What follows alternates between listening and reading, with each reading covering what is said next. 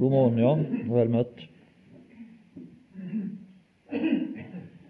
Vi vil fortsette å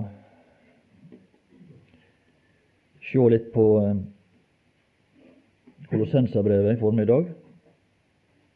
Vi skal ikke komme noe vesentlig tilbake til Lukas 15.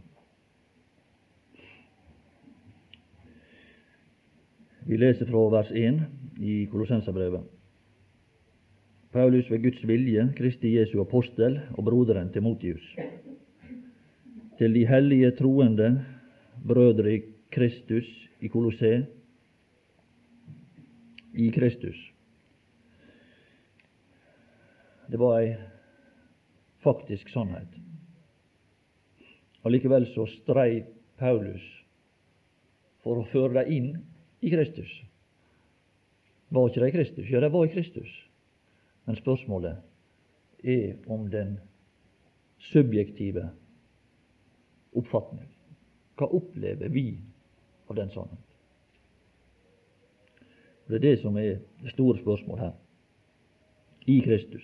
Nåde være med der og fred fra Gud, vår Fader.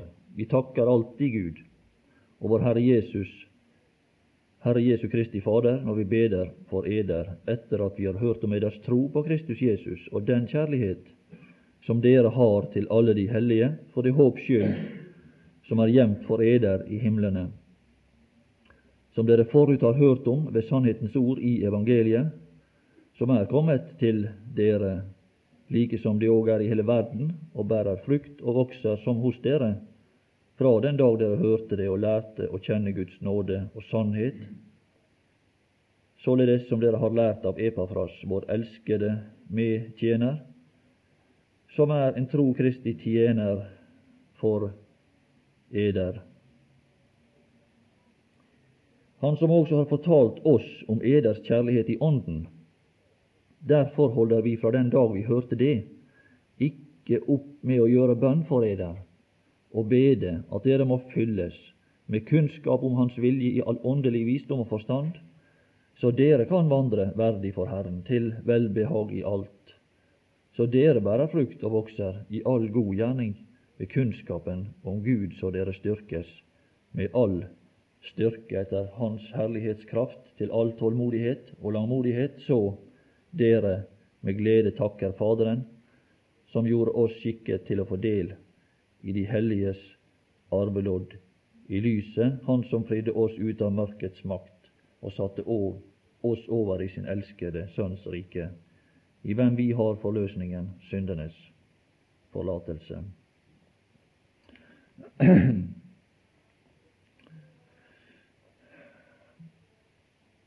Det var poengtert her at Epafras, han var en tjener. Det var den side ved, ved han som blei dratt fram her. Han var en troende, ja, det var han nok. Men det var en annen egenskap ved denne mannen som Paulus hadde interesse av. Og Paulus er en tjener. Han er også mer, og det er i grunnen begge to her i dette, dette brev. Paulus, han, når han ber, så er han en prest. Han er en tjener. Men så når han, når han går fram i bønn, stiger fram for Herren, så stiger han til et enda høyere nivå. Han er en prest. Som fraværende så stiger han enda opp til et enda høyere nivå. Det gjør også Epafras. Han strider for det der i sine bønner. Men det skal ikke vi komme noe videre inn på. Men sjøl fraværende ifra disse omstendigheter som vi her taler om, så kunne Paulus fortsette sin tjeneste. Og Epafras han var ikke avskåren fra å tjene dem, sjøl fraværende fra disse troende. Så fortsatte disse sin tjeneste. Det bare løfta opp på et enda høyere plan som prest for Gud. Det som vi ser her, det er at ved begynnelsen av brevet så kommer Paulus tilbake ifra fra himmelen. Og han kjem tilbake fra himmelen med ei helsing. Han har vore borte. Så kjem han tilbake ifra fra Faderhuset. Og så er han møtt en person der, og så er han med sin helsing tilbake fra Gud, vår Fader. Han har møtt en person som, som kjente dem, og som hadde slik interesse av dem at han ville sende ei hilsing til dem. Han hadde ikke bare kjente dem, men han visste om dem spesielt, og, og, og med navns nevnelse bringer han tilbake ei helsing fra himmelen. Og denne helsing den går ut på nåde og fred. Blir der til del. Være med der, og fred fra Gud, vår Fader. Det er det som er innholdet i denne helsing. Og dette er noe slik at det, det, er dessverre slik i, i menneskelivet at liksom, ja, jeg skal helse fra, liksom, og så bare så vidt hører du liksom det at ja, ja. Fordi at den, det, vi er så lite den helsing som vedkommende Hvis jeg sender helsing til en venn slik, så ja, det er knapt nok liksom du registrerer det. det ja, det, Kanskje bare liksom ord kan det være ifra. Fordi at det har så lite makt, det har så lite evne til å gjøre noe forandring. Fordi at den som sender denne helsing, kanskje så lite krefter har å stille bak og gjøre noe forandring med min situasjon. Min evne til kanskje å hjelpe en som var i Amerika nå her, eller å være noe for den, den er begrensa på det naturlige, menneskelige plan. Men bare at det liksom er sender hilsing. Men her er vi kommet i kontakt med en som har evne til ved sin helsing å virkelig gripe inn i mitt liv. Når han sender meg helsing her, han sender dette kolossenserbrevet Paulus kom ut ifra himmelen. Han, han hadde med seg kolossenserbrevet til denne menighet, som var i stand til virkelig å gripe inn i deres liv og ha virkelig alvorlig betydning for deres hverdagslige forhold og liv. Den helsing som dette brev er. Og det er en ganske for stor forskjell fra de helsinger som jeg måtte sende. Og vi tenker liksom at i mange slike tilfeller så tenker vi liksom bli ferdig med frasene. Liksom la oss komme til saken. ja. Og det er det som skjer her. Vi kommer til saken. Fordi Paulus han fortsetter brevet. Og Det er det som er selve saken. Dette er ikke noen, noen frase. Og det som denne innledningen her, det er ikke en slags liksom, trylleformel, en slik, liksom, som vi leser i en sakral sammenheng og så glemmer vi det. Men det er en virkelig mulighet at denne nåde og denne fred som Paulus her fører fram, først i form av ei helsing og så ved dette brev, den er i stand til å virkelig kunne komme ned til oss og gripe oss og gi oss denne fred som her er omtalt. Og Det er akkurat som Paulus vil si det at eh, Ta imot denne helsing som nå følger. Og det, denne nåde og denne fred skal bli deres sin. Og Det som er klart, det er at vi er nødt til å begynne å forholde oss til disse fakta som her er omtalt, om vi skal gjøre erfaring av denne nåde og denne fred. Hvis vi nå leser videre her i dette brev, så vil vi finne ut det at det var allerede begynt å skje litt iblant disse troende. Og han taler blant annet om eders tro i vers 4, og eders kjærlighet, den kjærlighet som dere har til alle de hellige. Ja, hva, hva, hva som var grunnen til det? Hadde det liksom steget opp i deg sjøl? Nå skulle de begynne med noe nytt. Nei, det var en grunn til dette, og grunnen, den var i himmelen. For det håps skyld som er gjemt for eder i himmelen. Og Hvis de tenker på han karen i Lukas 15, så var det nettopp det samme med han. Altså, Det var, det var noe i Faderhuset. Det var noe der som var grunn. Det var det som gjorde at det plutselig så skjedde det noe i ham.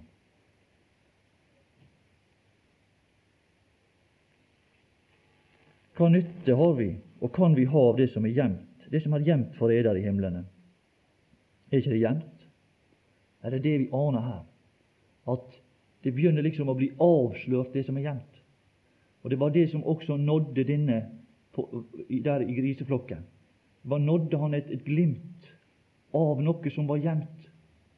Noe som han helt hadde mistet begrepet om, om Faderhuset. Så hadde han sett så disse tjenere som kom ut der, og minte han svakt et lite glimt av å, her er, fins en annen tilstand og mulighet og måte å leve på.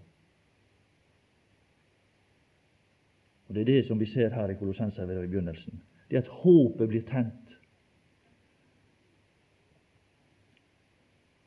Og dette som er gjemt, her er vi igjen i berøring med denne sannhet som jeg prøvde å nevne. Guds hemmelighet, det er Kristus. Der i Faderhuset der finnes et, et lam, der, der, finnes et dyr, der finnes en som er blitt slakta. Og det, dette fakta, at han er slakta utenfor huset på en måte, det bringer oss innenfor huset. Sannhet om Han som tenner håpet i vår sjel. Og alle disse forskjellige sannheter om Han som er Guds hemmelighet, Kristus. Og Denne hemmelighet er det som vi nå aner, begynner å bli avdekka. Vi begynner å ane og få større og større innsikt i det som er i Kristus. Guds hemmelighet, det er Kristus. Og Det er dette som liksom drar oss mot Faderhuset, som bringer oss ut av dette mørket som finnes her i Kolossenserbrevet som der du, du, finner dette uttrykk mørkets makt. Og Det vi finner ved begynnelsen, det er at mørkets makt den behersker hele denne scenen som vi ser.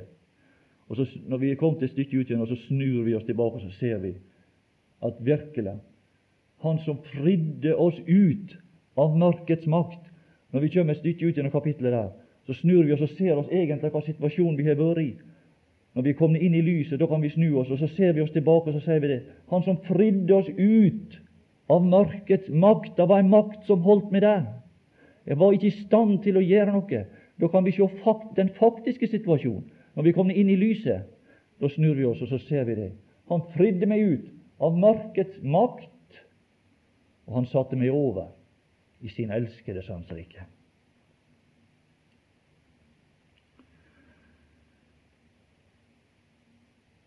Dere har hørt, står her.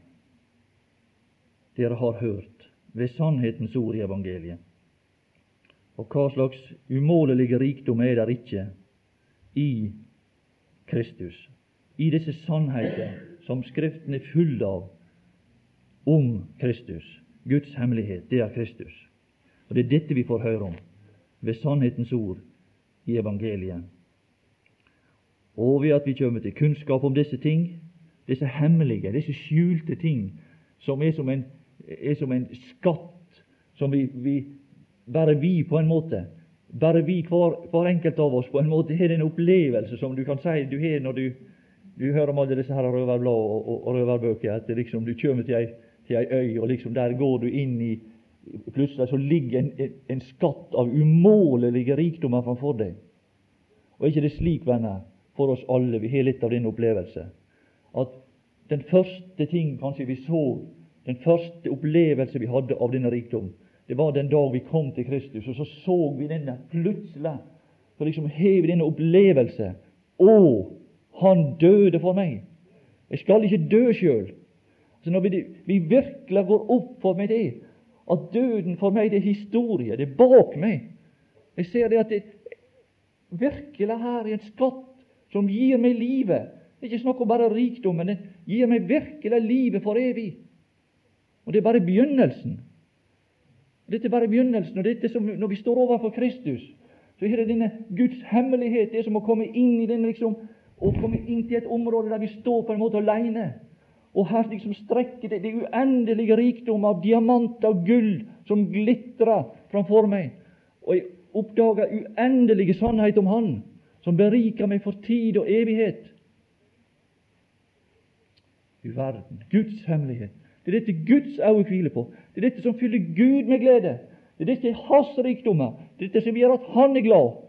Og så sier han, 'Kom inn og se hva som gjør at jeg er glad.' Hva som gjør at jeg har fått løsning på mine problemer. Hvordan kan jeg være nådig mot synderen? Hvordan, han, hvordan har han ført alt tilbake til meg? Hvordan han har kjøpt alt tilbake til meg som glapp ut av mine hender? Så kommer vi inn der, og så står vi i den samme opplevelse. Så står vi i den samme glede. Så ser vi at alt dette her, det tilhører meg. Og så er vi bare ved begynnelsen. Så kan vi gå videre. Og vi kommer inn på en vei som fører oss til stadig større erkjennelse, til stadig større lys, til stadig større glede. Vi kommer til de evige ting. Du skal aldri, min venn, være redd for at det skal bli kjedelig. Du kommer til disse store mestere, liksom, ja, så, så, er det så interessant, og så liksom, ja Så sier du 'nå kan jeg det'. Nå kan jeg dette pensum her. Nå må jeg gå til nye. Nei, her skal ikke du komme til enden. Her skal ikke du komme til enden.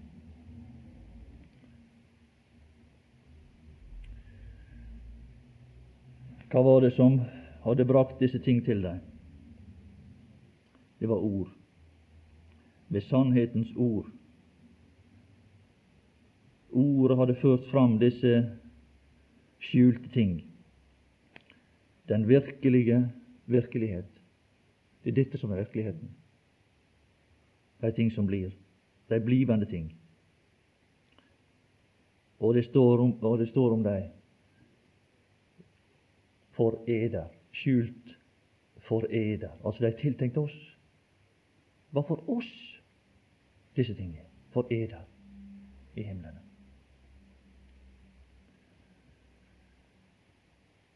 Så står det 'som er kommet til deg. Og det er det som er det fine, at hvis vi betrakter denne helsing, hvis vi tar imot denne helsing, så vil det komme også til oss. Det er det som er. Disse ting vil komme til oss. Vers 6 så ser vi der at det står det at er kommet til det like som det òg er i hele verden, og bærer frukt og vokser. Her tales det om frukt og vokster. Det er en innvortes prosess som begynte, som tok sin begynnelse den dag at ordet begynte å tilføre dette nye liv den himmelske næring. Og Denne prosessen fortsatte ved at, ord, at de lærte å kjenne, står det, fra den dag de begynte, de hørte det, og begynte å lære Guds nåde å kjenne i sannhet. Så, så begynner det en, en, en kontinuerlig, en vedvarende prosess Hva forstår det dette uttrykket der 'lærte å kjenne Guds nåde i sannhet'? Ja, etter det vi aner her i, i Kolossenserbrevet, det er at det er en, dessverre slik at det er så mye usann Det er så mye usann innflytelse, det er så mye usann næring som kan flyte til våre røtter, og som vil føre til en annen vekst.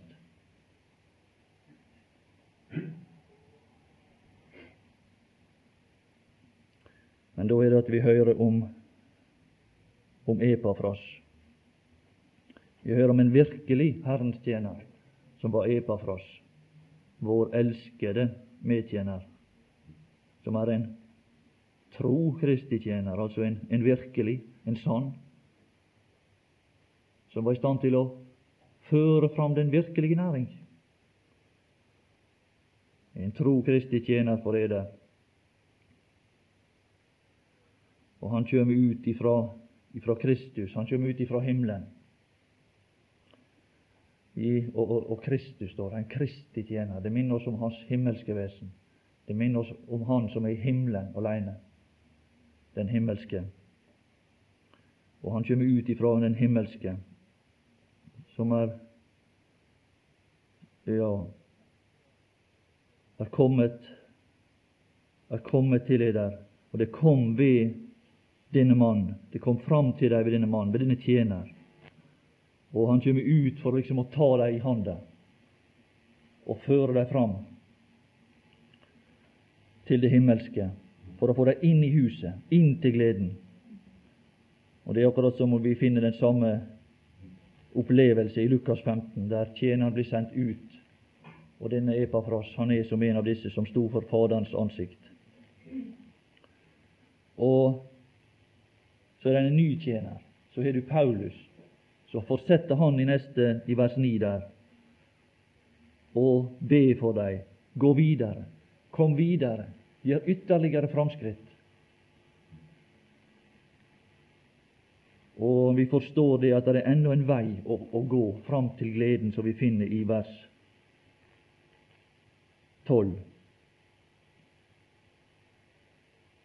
Det er en vei å gå, og det er en utvikling. Det er en vei vi kommer inn på som vi må gå, en vei fram til disse ting.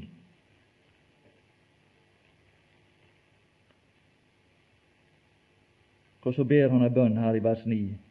Derfor holder vi fra den dag vi hørte det, ikke opp med å gjøre bønn for eder, at dere må fylles.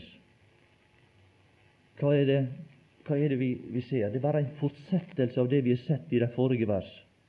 Det er at sannheten ved ord måtte fortsette å bli fylt inn i dem. At de fortsatt måtte gjøre framskritt. Og Dette er ikke noe svevende mystisk, en slags øyeblikksopplevelse, liksom du, du stiller deg opp, og så liksom kommer det ned i deg at du skal fylles på denne måten. Det er ikke noe med det å gjøre. Det er en vedvarende prosess som tar sin begynnelse den dag vi hørte det, og så og lærte å kjenne Guds nåde i sannhet. Men det er en ganske rolig og sindig opplevelse som arter seg som en stadig tilførsel av kunnskap om Hans vilje i all åndelig visdom og forstand. Og vi kan ikke stille oss likegyldig til disse forhold, fordi at det er nødvendig. Tingen, disse ting står framfor vers 13, vers 12. Det er ting som fører oss inn til den glede som vi søker og som Faderen søker for oss, og som vi også burde ha interesse av å komme til. Om vi skal vandre verdig, står det, for Herren til velbehag i alt. Og vi ser her, vi legger merke her til, en veldig balansert utvikling. Vi ser det at på en måte så åpner den usynlige verden seg for oss. Kunnskap om disse himmelske ting Samtidig så ser vi det at, at Skriften understreker behovet for at noe annet også kommer til syne, og det er en verdig vandring. Altså, på en måte Den himmelske verden åpner seg der, men samtidig så må det også begynne å komme til syne noe, noe her. At dere kan vandre verdig for Herren til velbehag i alt.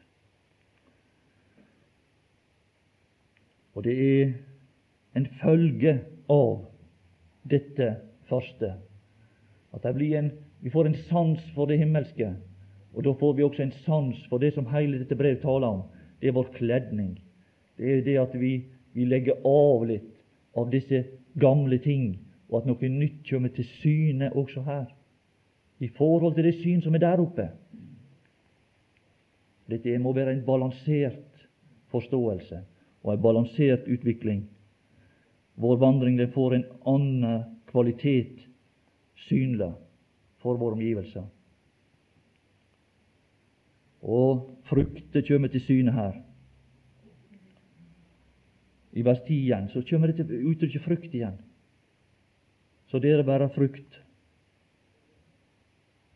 og vokser i all god gjerning her kommer det til syne i verden, disse ting som er i himmelen. Så det, må være en balanse. Så står det ved kunnskapen om Gud. Her er denne næring. Her er den næring. Her er den usynlige næring som flyter til dette treets røtter. Som gjør at det vokser opp noe nytt. Som gjør at det, viser seg i folkelivet noe nytt. Men ingen, ingen kan se denne kunnskap om Gud, hvordan den flyter til denne, til denne person. Men jeg ser resultatet. Og jeg ser noe som vokser opp. Det kommer fram noe nytt ved kunnskapen om Gud. Og vi ser at fruktene blir større og mer omfattende. All god gjerning ved kunnskapen om Gud. Og Vi kan spørre hvorfor er Gud slik framgang? Og hvorfor han lykkes slik? Er ikke det nettopp fordi på grunn av den kunnskap som han har? Og denne kunnskap er det at Han vil la flyte til oss, slik at vi skal kunne lykkes i det vi gjør. Hva trenger vi mer? Hva trenger vi mer? Ja, hva står det? Kunnskapen om Gud, så dere styrkes. Vi trenger styrke. Vi trenger kraft. Og det er et, skrik et skrik, et rop i dag om åndskraft, om, om, om krefter. Det er sikkert. Det ropes på åndskraft, men det hersker en like, like himmelropende uvitenhet med hensyn til hva denne kraft egentlig består i. Og Jeg skal ikke komme veldig mye inn på det. Tida tillater ikke det hva den, hva den består i, og hvordan den virker, hva er resultatet, og hva fører den fram, denne kraft. Skal ikke komme noe vesentlig inn på det, men bare peke på to ting som er nevnt her. Og Hvis vi leser videre, så detter geipin på oss, så dere styrkes med all styrke etter Hans herlighetskraft. Nå kommer noe stort. Ja, nå kommer noe stort. Nå er det like før vi tar av og begynner å flyge til all tålmodighet og langmodighet. Au, au, det var ikke bra. Er det så trivielle ting? Ja. Til all tålmodighet og langmodighet. Ja. Mister du interessa? Ja, det er det spørsmålet. Om vi er interesserte fortsatt. Var ikke det mye kjekkere om at vi kunne få flyge liten grann? Å, få ta av ifra problemer. Og liksom bare stikke av ifra alt. Ja, det, skal, det er mye større krefter å gå gjennom vanskelighetene. Mye større krefter som skal til for det. Det blir det som blir det neste. SI reiser. Reiser vi for problemer? Ja. reis vekk. Men her var noe annet. All tålmodighet og langmodighet. Det er ute i verden, det er ute blant våre omgivelser. Det, som, der er det slik. I denne verden, i våre omgivelser, men det er en annen side ved saken. Det er kraft. Hvordan virker denne kraft i dag? Jo, den virker til tålmodighet og langmodighet, men den har en annen side, som står i neste setning. Så dere med glede takker Faderen. Denne kraft, den fører oss inn til Gud og stiller oss for Guds ansikt med et smil om vår munn. Det er saken. Det er den usynlige side av kraften. Den ene side, den ene, den synlige side, det at vi i denne verden kommer fram i alt vår gjerning og i alle våre livets situasjoner, så blir det to ting som karakteriserer oss det er tålmodighet og langmodighet. Men det som de, disse, som, det, det disse folk ikke ser, det at vi står for Guds ansikt med et smil om vår munn, så dere med glede takker Faderen, som gjorde oss skikket til å fordele de helliges arvelodd i lyset. Vi står i lyset for Guds ansikt i alle livets situasjoner. Og det er et smil om vår munn, og det er det som gjør at vi er i stand til å vise oss denne verden med tålmodighet og langmodighet.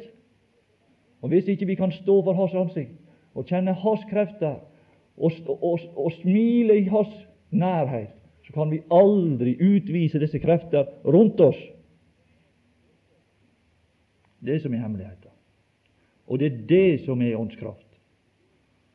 Og det er det Paulus brukte sine krefter til. Det var det som han brukte sine krefter til, det å, å løfte oss inn i denne atmosfære for å fremstille hvert menneske fullkomment til Kristus.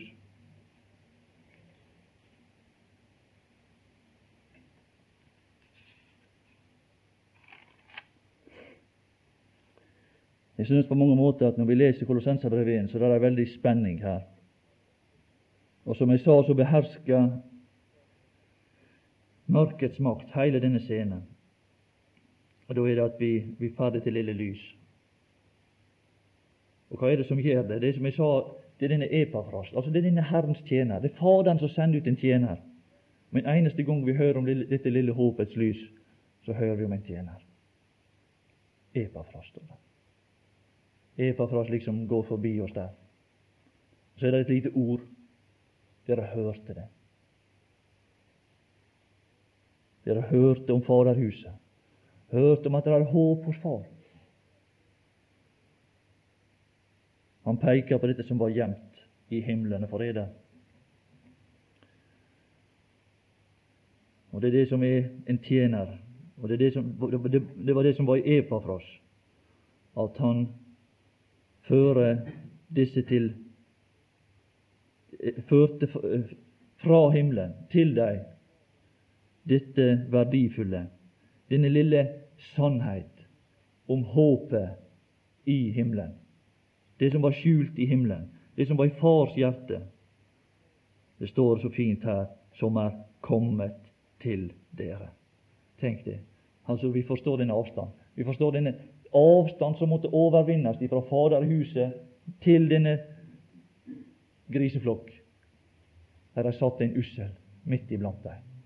Så kom der et som er kommet til dere. Det var en person som hadde utlignet denne forferdelige avstand til landet langt borte. Det var en mann som het Epafras, som er kommet til eder ja, de var utenfor. Og denne som vi las om, han var i sannhet utenfor i landet langt borte. Å kjenne Guds nåde i sannhet der utenfor. Og Da er det at eh, vi finner også Paulus. Han bøyer sine kne her for å føre oss videre, føre oss inn til forståelse for disse ting. Og, og, og, Paulus han bruker både prestetjeneste og han bruker sin posisjon som en tjener og fører oss fra mørkets makt. Og det er makt det er snakk om, som jeg nevnte, og inn i den tilstand vi leser om i lyset hos Gud. Håpets lys, det ble tent ved et ord. Ordet og så er det det at eh, disse, denne personen han begynte, han sto opp, og han begynte å søke. Men det, var, det første var ikke noe som var i hans hjerte. Det første var noe som hadde nådd han. Og da var det en respons, da var det et gjensvar. Og så ser vi her ei utvikling ifra denne begynnelse, og så kommer neste og lærte å kjenne. Guds nåde i sannhet. Så ser vi videre her at Paulus han fører fram denne nødvendighet av å trenge djupere inn i evangeliet, inn i læra. For det står også om læren, vet du, at læren den er et lys. Hva er det Paulus ber om her? At dere må fylles med kunnskap om Hans vilje. Og Her er det at vi ser, her åpnes det opp for større lys. Dere lærte å kjenne Guds nåde, står der. Men så liksom øker det opp, og så står det at dere må fylles med kunnskap om Hans vilje. Det er et større lys. Det er et større lys. Og så blir lyset enda større, ser du i neste uttrykk. Og så, Da står det et enda videre uttrykk ved kunnskapen om Gud. Liksom Det åpnes opp for større og større forståelse når det gjelder Guds vesen. Og Det er så omfattende, dette uttrykket. Det åpner liksom opp for det innerste i hele Guds vesen. Og Det er så merkelig at med en gang dette uttrykk kommer, så står det i vers 12 at du er kommet inn i lyset. I lyset. Og hva er det om lyset? Det står om Johannes, når han sto fram med sitt lys, så står det det om fryd. Dere ville bare så kort tid fryde er der, glede er der i Hans lys. Men her står det i vers 12 at når vi kommer inn i dette lys, som vi nå er kommet inn i ved kunnskapen om Gud, så åpnes det opp for dette lys. Plutselig så står vi i lyset. Vi står i den høglyse dag, og vi er i stand til å se ting og oppfatte ting, både med hensyn til vår fortid og med hensyn til vår framtid, og med hensyn til Han som har ført oss inn der. Og vi kan orientere oss om de virkelige ting i lyset. Og framfor alt er det én ting vi, opplever der. Hva er det vi opplever der? Vi opplever denne glede, som de opplevde når de møtte Johannes. Men her er en langt større, større situasjon og en langt større fylde, så dere med glede takker Faderen, som gjorde oss skikket til å få del i de helliges arvelodd, i lyset. Denne kunnskap om Gud, denne kunnskap om Gud, den fører oss fram til åndelig og sjelelig velvære, og den plasserer oss også i nærheten av denne Fader. Og da står det også at vi ser. Vi ser noe mer. Hva ser vi mer der? Jau, vi ser riket. Han fridde oss ut av mørkets makt. Den makt vi snur oss, og vi ser den makt som behersker oss. Én ting som hadde beherska oss. Det, vi snur oss den ene veien, så ser vi oss tilbake, så ser vi tilbake til det mørket vi var i, der vi satt, og der dette lille lys nådde oss. Dette lille lys nådde oss. Og så er vi kommet inn i det store lys, der lyset opplyser hele scenen. Og da snur vi oss i to retninger, og så ser vi tilbake til mørket der vi var. Du verden. Og så snur vi oss i den andre retning, og da strekker riket seg ut framfor oss. Han satte oss over i den elskede Sønns rike. Og riket det taler om herlighet, om ære, om berømmelse, om posisjoner. Og det taler til tjeneren. Det taler til tjeneren om, om hans herlighet. Skal vi òg herske med ham? Det taler sterkt til tjenerens hjerte. Dette her er den herlighet som skal åpenbares for deg som holder ut og som er med i disse vidunderlige ting. Men det taler også til oss som barn. Det er bare et spørsmål hva vi forstår om tingene. Og det står også Jeg vil ikke si noe bestemt om det uttrykk som står i vers 3, men når jeg leser kapittel 3, så står det når Kristus vårt liv åpenbares, da skal også dere åpenbares med Ham i herlighet. Og Jeg tror at det der også, kanskje i dette uttrykk, ligger en hentydning til det samme, til riket. Der vi tenker på den, den herlighet som skal åpenbares på, på, oss. Ikke bare som barn, men også som, som tjenere. Som den som er tatt vare på disse ting, som de som har gått inn i disse ting, og som de som har stritt for disse ting. Og Det, det, det ligger noe i, i denne Lukas 15. Der ligger et lite, et lite inntrykk. Det står der leiefolk. Og Dette med leiefolk det taler også det taler noe om lønn. Det taler noen som er i ei tjeneste. Og Det var det Paulus hadde så sterkt for sitt sinn. Han visste at han var i tjeneste.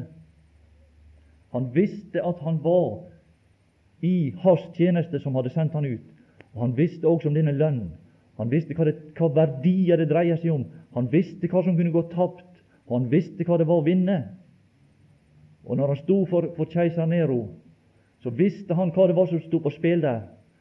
Og han vitna i, i, liksom i, i, lyset av hans åpenbarelse og i hans rike, sier han, så helt inn til riket. Han så seg sjøl sittende på en hvit hest. Han så seg sjøl gå fram i dette, dette seierstog. Han så seg sjøl. Kanskje skal jeg vinne en posisjon her. Kanskje skal jeg kunne ri sammen med den Herre Jesus på en hvit hest. Og kanskje skal Han gi meg ære. Det er noe å vinne, det er noe å tape. Det var i lyset av denne trone og denne majestet at han så framtida, og i lyset av dette riket. Men det skal vi la ligge her. Kapittel to her vi, skal, vi må bare hoppe litt fort og gå til slutt. Det liksom fører oss da endelig fram til eh, Guds hemmelighet, liksom den, den, endelige forståelse på en måte av Guds hemmelighet. Det er Kristus i, i 2.2. Og det vi ser Jeg kan også nevne det at i vers i 1.22 der så står det Eder har han nu forlikt i hans jordiske legeme ved døden for å fremstille eder. Dette her er denne kamp. Det er dette som ligger på apostelens hjerte. For å fremstille eder hellige og ulastelige og ustraffelige for sitt åsyn. Det er dette, det er dette som er så viktig. Det er dette her for han. Han har hørt din ordre. Han har hørt Faderen tale til seg. Ta frem den beste kledning og ha den på ham. Få den på ham. Og Det er det som han, han utfører. Han utfører nøyaktig ordre for å fremstille eder hellige og ulastelige og ustraffelige for sitt åsyn. Og så, og så er det akkurat som at han snur seg, og så ser han nei, hva var det jeg skulle kle på? I vers, i vers 23 eh, så står det så sant dere blir ved i troen. Nei, hva er, var ikke han her? Blir, blir ikke han ved? Nei, han blir ikke ved. Det som er problemet. Altså, vi blir ikke ved i disse ting. Altså, vi, vi forsvinner underveis. Vi blir ikke med tjeneren, slik at han får iføre oss disse ting. Vår oppmerksomhet den forsvinner. Tjeneren han holder på, han veit hva det dreier seg om. Og plutselig så Nei, det er akkurat slik som med ungene hjemme hos for at jeg har fått på de klærne som de kom på bordet. Ja. Det var det støkk av. Og så mister vi konsentrasjon. Vi blir ikke ved, grunnfestet og faste. Og da står vi i en fare. Vi lar oss rokke. Vi lar oss føre bort ifra det som vi er nødt til å være i besittelse av og vi mister konsentrasjonen, og vi mister også evnen til å se oss sjøle i denne kledning. Se oss sjøle i vår posisjon. Vi blir ikke ikledd. Og ikke lar dere rokke fra det håp evangeliet gir, det som dere har hørt, som er blitt forkynt, som tjener det tjenerens arbeid. For enhver skapning under himmelen, og som jeg, Paulus, er blitt. Der er. Tjener for men det er barna. De mister konsentrasjonen, og så lar de seg rokke. Og så blir, får ikke de del i dette i den grad som vi, de skulle ha det. Og det, da er det, Vi finner vers 29 også, nei, 28 også, da. Kan vi lese det også da, som vi sikkert nevnt flere ganger. Og ham forkynner vi. Kristi av Guds hemmelighet som er Kristus. Det er ham vi forkynner. Ham forkynner vi i det vi formaner hvert menneske og lærer hvert menneske. Ikke, ikke Gud. altså Ikke Gud vil lære om at vi er fullkomne i Kristus. For han veit det. Men det vi. Vi må forstå det. Vi må, må se det. Vi lærer hvert menneske med all visdom. Hvor han henter den visdom? Hvor han henter den visdom? I hvem alle visdommens og kunnskapens skatter er skjult til stede. Hvor han å få tak i det? Ja, hvor han å få tak i det? Han har vært inne i huset. Det er bare der han er. I det himmelske. Det er der denne visdom I Kristus er denne visdom. Og Hvis vi skal bli en tjener, hvis vi skal oppta en liten tjeneste, så må vi finne vår visdom i Kristus. For å fremstille hvert menneske fullkomment i Kristus, for dette arbeider jeg. Det er et arbeid. Det er en tjeneste. I det jeg strider, er Hans kraft. Her er denne kraft som vi talte om. Her er denne kraft. En kraft som løfter oss opp og setter oss inn i det himmelske. Løfter oss opp og setter oss glade fram for Guds ansikt med et smil om vår munn. Og den virker i meg, sier Paulus, med styrke. For jeg vil at de skal vite hvor stor strid jeg har. Her er det tjenerens liv. Her er det tjener slik han lever. Hvor stor strid jeg har for det der. Her er han som har begrep ikke bare om Guds hemmelighet, men han har begrep også om Kristi hemmelighet. Og han er blitt slik interessert i det som er Kristi innerste tanke og sinn, at han begynner å få den samme interesse, den samme glede, den samme, den samme, det samme arbeid han får den samme utholdenhet. Han får den samme glød og hjertelag for menigheten som Kristus er. Kristi hemmelighet, som er menigheten. Og der, Derfor er det også at han fører disse, han tar dem ved handa. Han får dem fram fra stolen, opp under bordet. Stå og henter dem, få tak i dem, få på dem klærne, og få, og dem fram. Det er en strid, og de som er barn, de vet hva en strid er. Og De som har hatt småbarn, de veit hva det er. En kamp, en strid. Og Slik er det også her. For at deres hjerter må bli trøstet.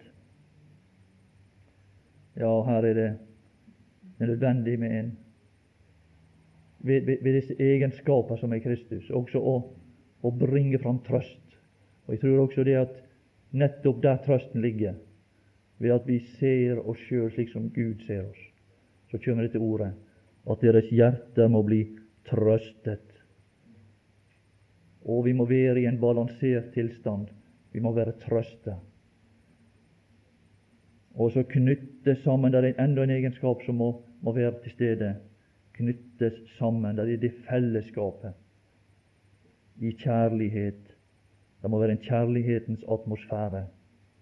Og da, når disse ting er til stede, så kan vi begynne å betrakte det som er i Kristus, og når frem. Det er en vei som vi må gå på. Vi må komme fram til. Vi må gjøre denne, disse erfaringer som ligger bak, og så må vi komme frem til hele, og nå frem til hele rikdommen av den fullvisse innsikt. Vi må betrakte det som er i Kristus hans innerste vesen, til kunnskap om Guds hemmelighet. Det er Kristus.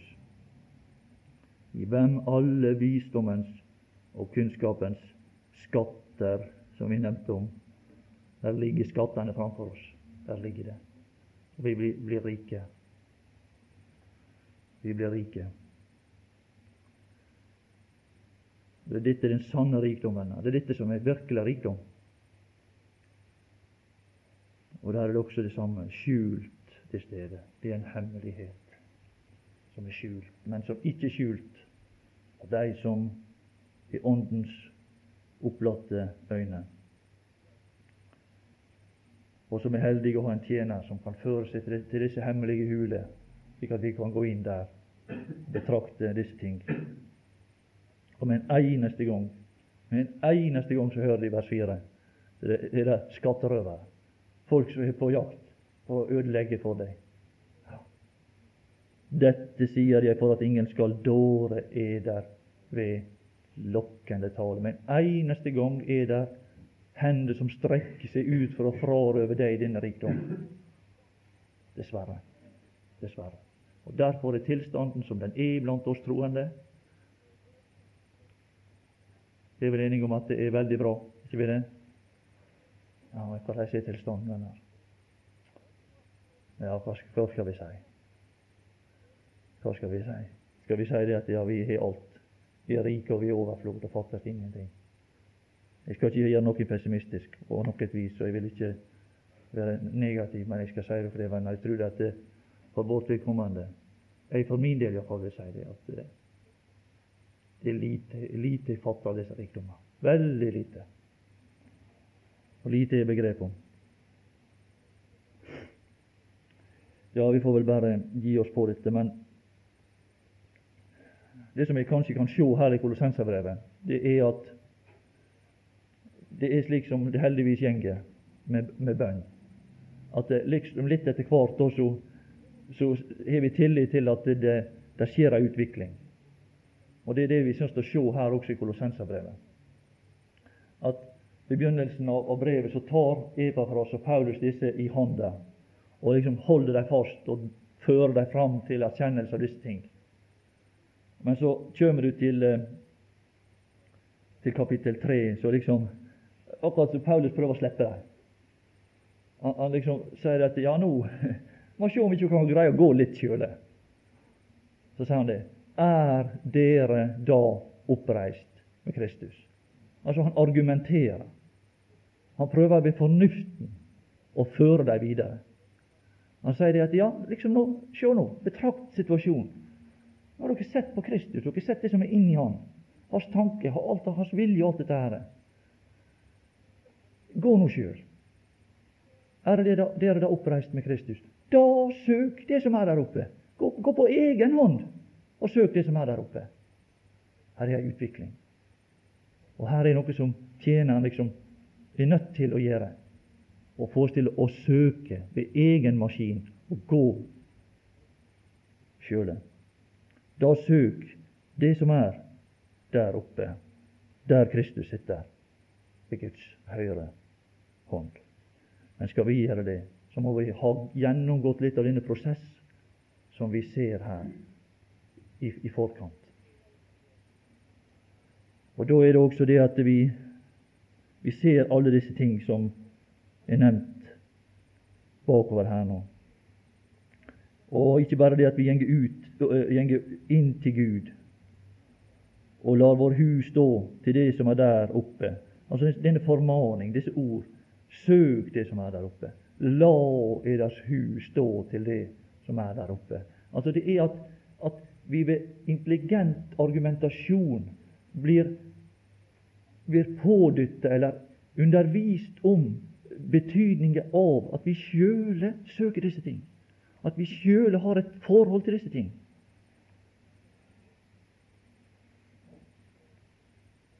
Og videre argument. Og da ser vi det at det virker. Så står det det at vi går ut. Så død da er deres jordiske lemmer. Da er det det at vi, vi, når vi kommer ut ifra denne Guds nærhet. Og vi liksom er sjøle gått inn der. Vi har betrakta disse ting. Vi har vært hos Han før at vi kommer ut i kapittel 5. Så død da i deres, eh, vers 5. Død da i deres jordiske lemmer. Utykt, urenhet, brynde, ond lyst, havesyke, som jo er av Guds styrkelse og det store. Da er det at vi har vært inne hos Gud. Inne i Guds, Guds eh, rene nærhet inn og betrakter disse tingene, så kommer vi ut, og så ser vi oss Nei, hva i all verden er det som er her nå? Det er jo avgudsdyrkelse overalt. Og da får vi et begrep om hva som er avgudsdyrkelse. Altså, da, da faller våre øyne våre øyne sett på Han, og vi er sett på den verden som er der. Vi er sett på alt det som foregår der. Og så kommer vi ut Det er jo avgudsdyrkelse, dette her. Hva er det vi da gjør? Så begynner vi å kle av oss. Så begynner vi å, å kle av oss. For det bare sto her For disse ting var av Guds vrede over vantroens barn, iblant dem vandret dere fordum, da dere levde i disse ting. Men nå er ikke det disse der vi lever lenger. Vi er kommet inn til Gud. Vi er vandret inn til Gud, og det er der vi lever. Vi er avdøde fra denne verden. Vi er framstilt for Gud, og vi ser Gud, og vi opplever Gud, og vi opplever de himmelske ting, og vi går ut ifra de himmelske ting, og vi ser oss rundt. Og da kan vi se avgudsdyrkelsen. Men nå skal dere avlegge dem alle. Altså Det er en fornuftig argumentasjon til oss, hvordan vi kan forholde oss. Tjeneren framstiller oss for de virkelige ting, og vi kan begynne å forholde det til, til oss til dem. Og håndtere disse ting på en fornuftig måte. Men nå skal dere avlegge dem alle vrede, hissighet, ondskap, spott, skammelig snakk av eders munn. Lyv ikke mot hverandre, dere som har avkledd dere det gamle mennesket med rettsgjerninger, og ikledd dere det nye. Det er noe som skjer i frelsen, men så er det det er, den, det er den beste kledning. Men så kommer det også en kledning som skal vises i verden, iblant troende.